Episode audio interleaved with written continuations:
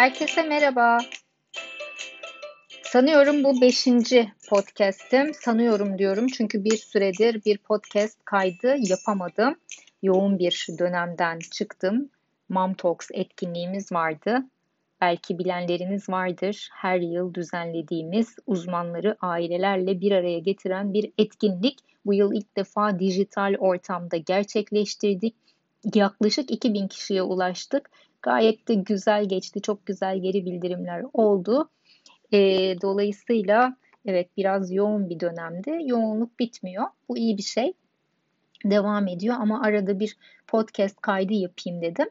E, bunu yapmamın sebebi de yine bu akşam Clubhouse'da katıldığım bir e, oturum oldu. Bir sohbet ortamı oldu. Konu başlığı ilgimi çektiği için girdim. Dünya daha iyiye mi daha kötüye mi gidiyor idi konu başlığı. Bilmiyorum siz bu konuda ne düşünüyorsunuz? Ee, ben bu konuyla ilgili bir kitap okumuştum.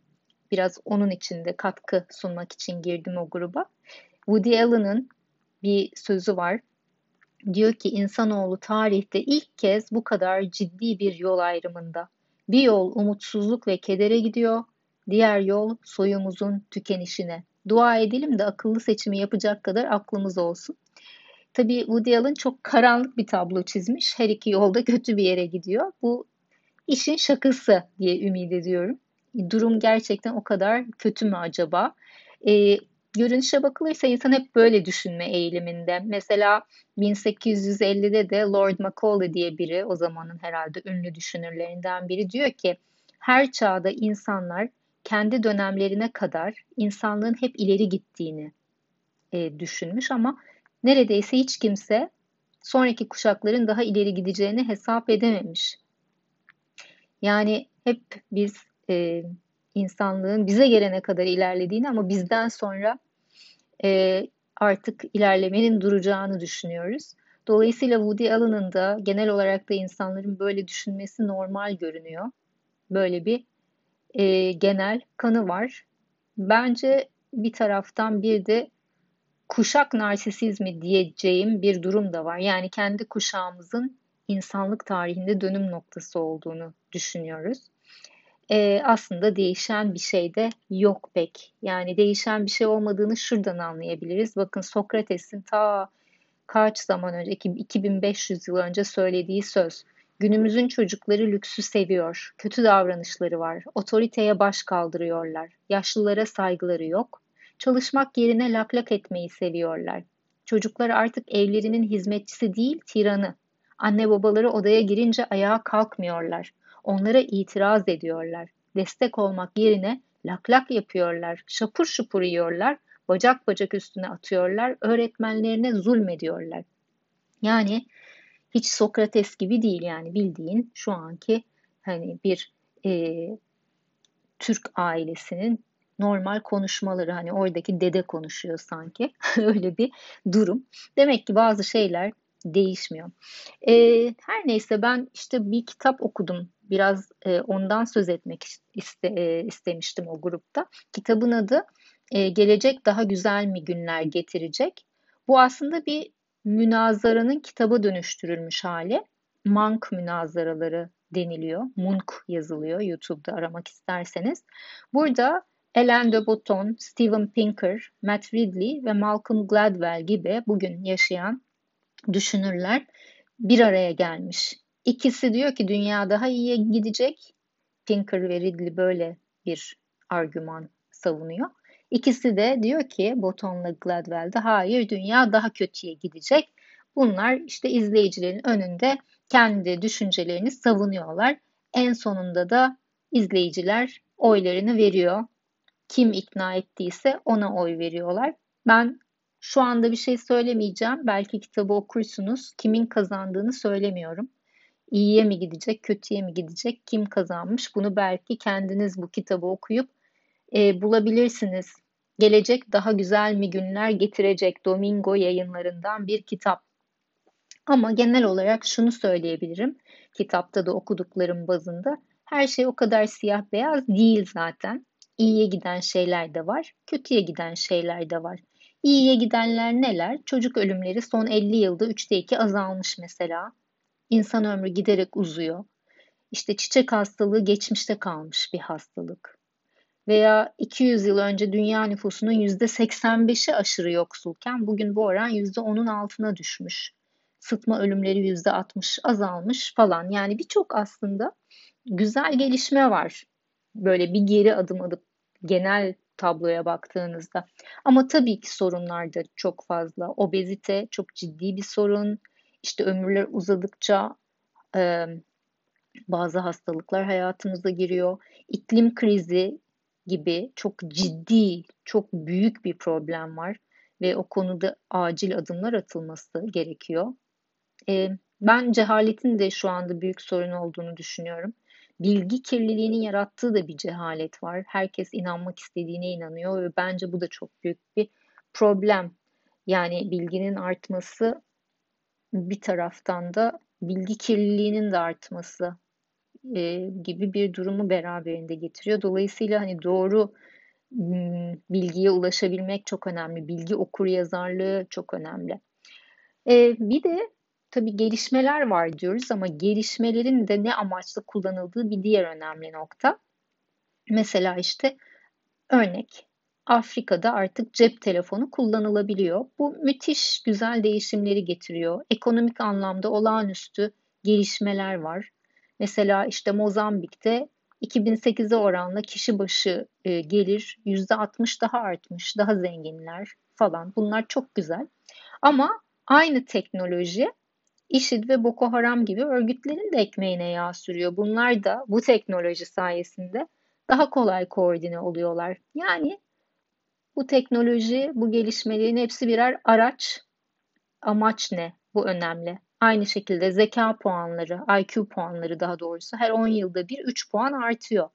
Şimdi IQ puanındaki artışı, zeka artışı ne de, demek ne derece doğru bilmiyorum. Yani her 10 yılda bir 3 puan artıyorsa bu hesaba göre Sokrates gibi antik çağ filozoflarının geri zekalı olması lazım. Ama öyle bir şey yok. Onlar hepimizden daha bilge. Yani dolayısıyla soyut düşünme becerimiz, işte öğrenme hızımız, bu tarz kapasitelerimiz artmış olabilir ama bu tek başına çok bir şey ifade etmiyor. Ben hep şunu söylüyorum. Bence dünyada yeterince zeka var ama şu anki dünyada akıl, sağduyu, etik, bilgelik, vicdan bu gibi kavramlar daha değerli. Bunlardaki artış bizim için daha değerli. Çünkü o zekayı neye kullandığın, nasıl kullandığın önemli. Yani zeka da bıçak gibi düşünün bir araç. Ne için kullandığınıza bağlı iyi olup olmadığı. Bıçağı ekmek kesmek için de kullanabilirsin, adam kesmek için de kullanabilirsin. Zekayı nereye kullanıyoruz? Bu önemli. Ee, geçenlerde sosyal medyada da bir paylaşım yapmıştım. Çok değerli düşünürümüz Ioanna Kuchuradi'nin bu konudaki çalışmaları, e, yazıları, söyleşileri çok önemli. Etik konusunda çok konuşuyor ve diyor ki insan olma bilincimiz gelişmiyor ve bu eğitimle ilgili bir sıkıntı diyor. Biz sadece okulda ya da evde insanın, çocuğun bilgisel yeteneklerini geliştiriyoruz. İşte çocuklar robotlar yapıyorlar, robotik falan çok moda, yarışmalara giriyorlar. Ama çocukların etik yeteneklerini geliştirmiyoruz. Hani bunu aklımıza getirmiyoruz. Bunlar da geliştirilecek yetenekler diyor. Geliştirilmesi gereken yetenekler. Bu çok çok önemli. O yüzden Kuçurali diyor ki şunları düşünmemiz ve düşündürmemiz gerek. Değerler ne? Dürüstlük nedir? Güven nedir? Nasıl adil olunur? Bunları öğretelim çocuklara. Çünkü çocuk zaten gelişmekte olan, öğrenmeye açık bir varlık. Eğer biz bu konularda çocukları düşündürürsek çok değerli bir şey yapabiliriz.